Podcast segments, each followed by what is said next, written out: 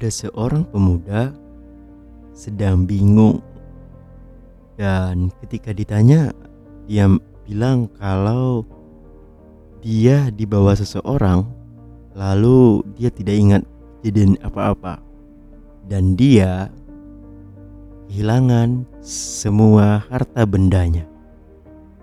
Pemuda tersebut baru saja dihipnotis. Kira-kira apa yang terlintas oleh pikiran kalian semua jika saya menyebutnya hipnotis dan sugesti?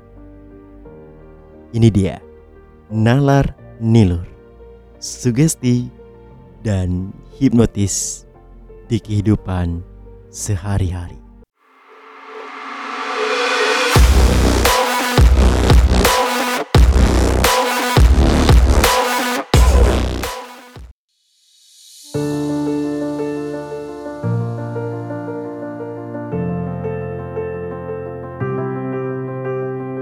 Hipnosis menurut Wikipedia adalah suatu kondisi mental.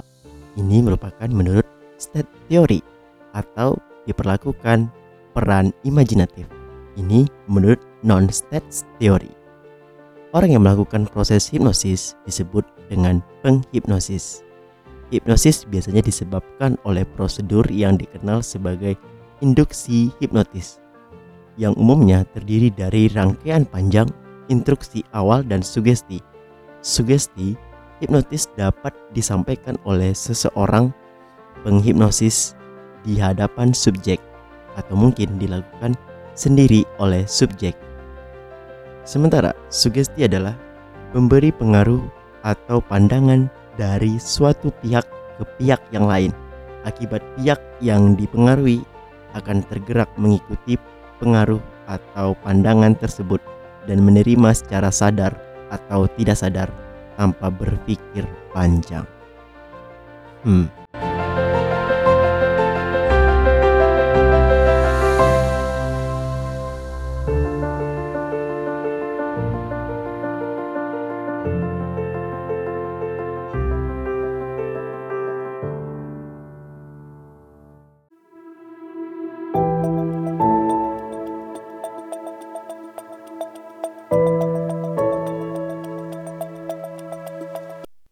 Sadarkah kamu, keseharian kita penuh dengan hipnotis dan juga sugesti? Ya, kita ambil contoh simpel. Jika kamu bekerja sebagai seorang marketing secara tidak sadar, hampir setiap hari di dalam rutinitas kerjaan kamu, kamu melakukan perbuatan hipnosis dan juga sugesti di mana kamu memburu atau mencari klien atau juga ya orang yang menjadi sasaran untuk bisa membeli barang-barang dari produk kamu. Nah, simple. Namun, sugesti dan hipnosis tidak seburuk yang kamu bayangkan. Sugesti dan hipnoterapi di dalam dunia kesehatan disebut hipnoterapi dan juga sugesti.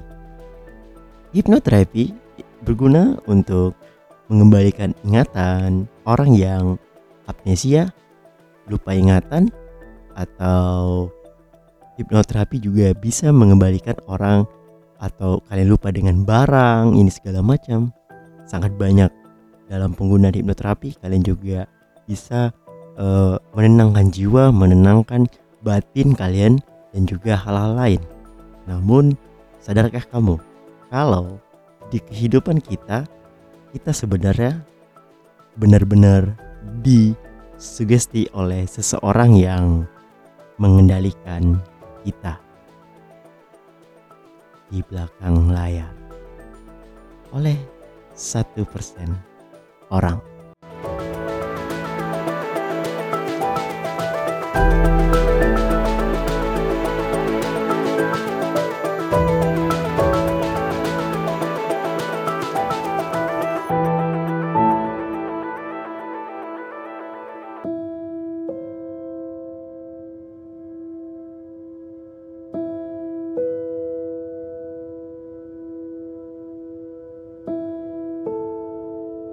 Hampir setiap hari kamu melihat ponselmu.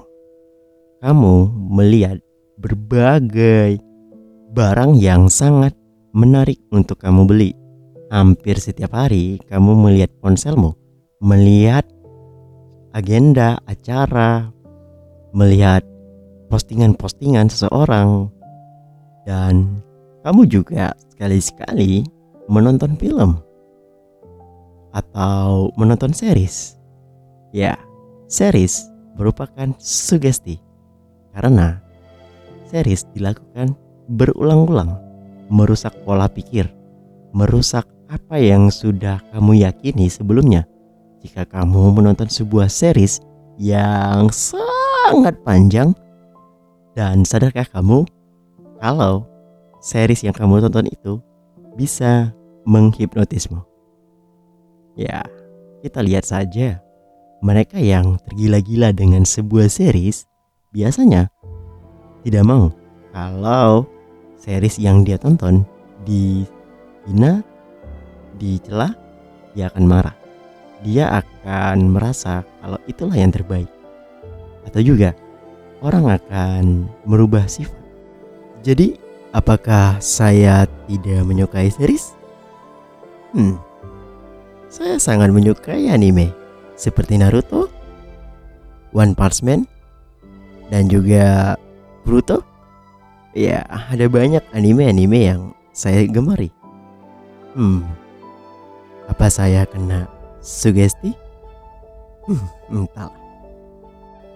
Dulu sebelum telenovela masuk ke Indonesia, sebelum sinetron mewarnai pertelevisian Indonesia, kita tahu kalau seorang ibu-ibu sangat mempunyai citra yang sangat-sangat baik, lembut, budi pekerti, orang yang selalu uh, mempunyai sisi positif luar biasa.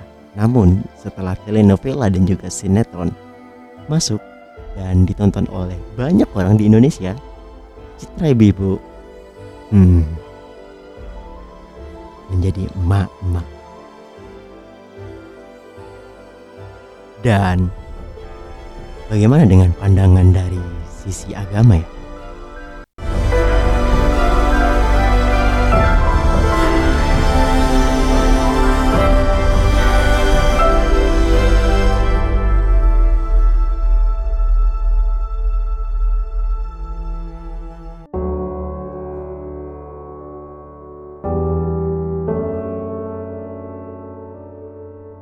Indikator hipnotis dan sugesti sungguh banyak.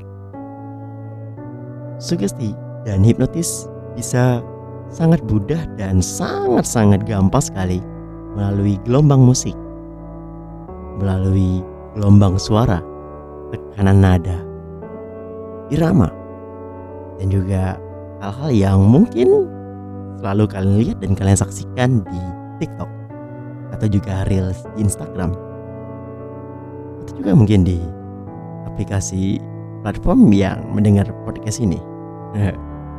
Namun, sugesti dan hipnotis dilakukan oleh orang-orang yang mempunyai kepentingan. Ya, contoh saja pemilu. Jika seseorang ingin dia menang di dalam pemilu, dia bisa menaruh baliho sebanyak-banyaknya. Seperti yang kita tahu ada perempuan yang suka mematikan mic mic podcast saya maksudnya yang ya yang dia menyebarkan banyak sekali baliho dia supaya sisi atau ingatan kita hanya mengingat kepada dia. Jadi ketika kita berada di bilik dengan waktu yang tidak lama dan juga waktu yang tidak begitu sangat mepet, kita secara tidak sadar akan mencari atau melihat orang yang mungkin sering kita lihat, kita kenal, atau juga ya yang familiar mukanya. Dan itulah maksud dari Bahlui Ho ibu-ibu tersebut. Iya, begitu juga mungkin dengan kasus-kasus yang ada banyak suara suiri di televisi.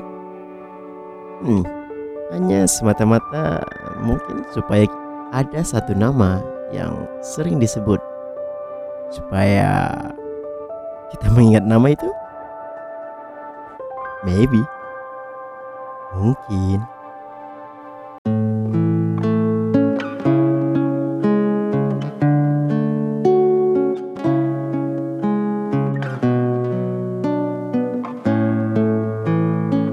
Pada artinya, sisi kamu sekarang pemarah, lembut, menerima pendapat orang lain, atau hmm, sangat tidak peduli dengan apa yang orang katakan, dan juga yang lain-lain. Itu merupakan hasil dari sugesti dan juga hipnoterapi oleh alam atau juga oleh seseorang yang mungkin sedang mengendalikanmu. Cobalah untuk sadar. Ingat Tuhan, rajinlah beribadah dan ibadahlah menurut agama dan kepercayaan kamu masing-masing. Karena itulah yang bisa menyembuhkan jiwamu. Saya Amdan. Ini dia Nalar Noise.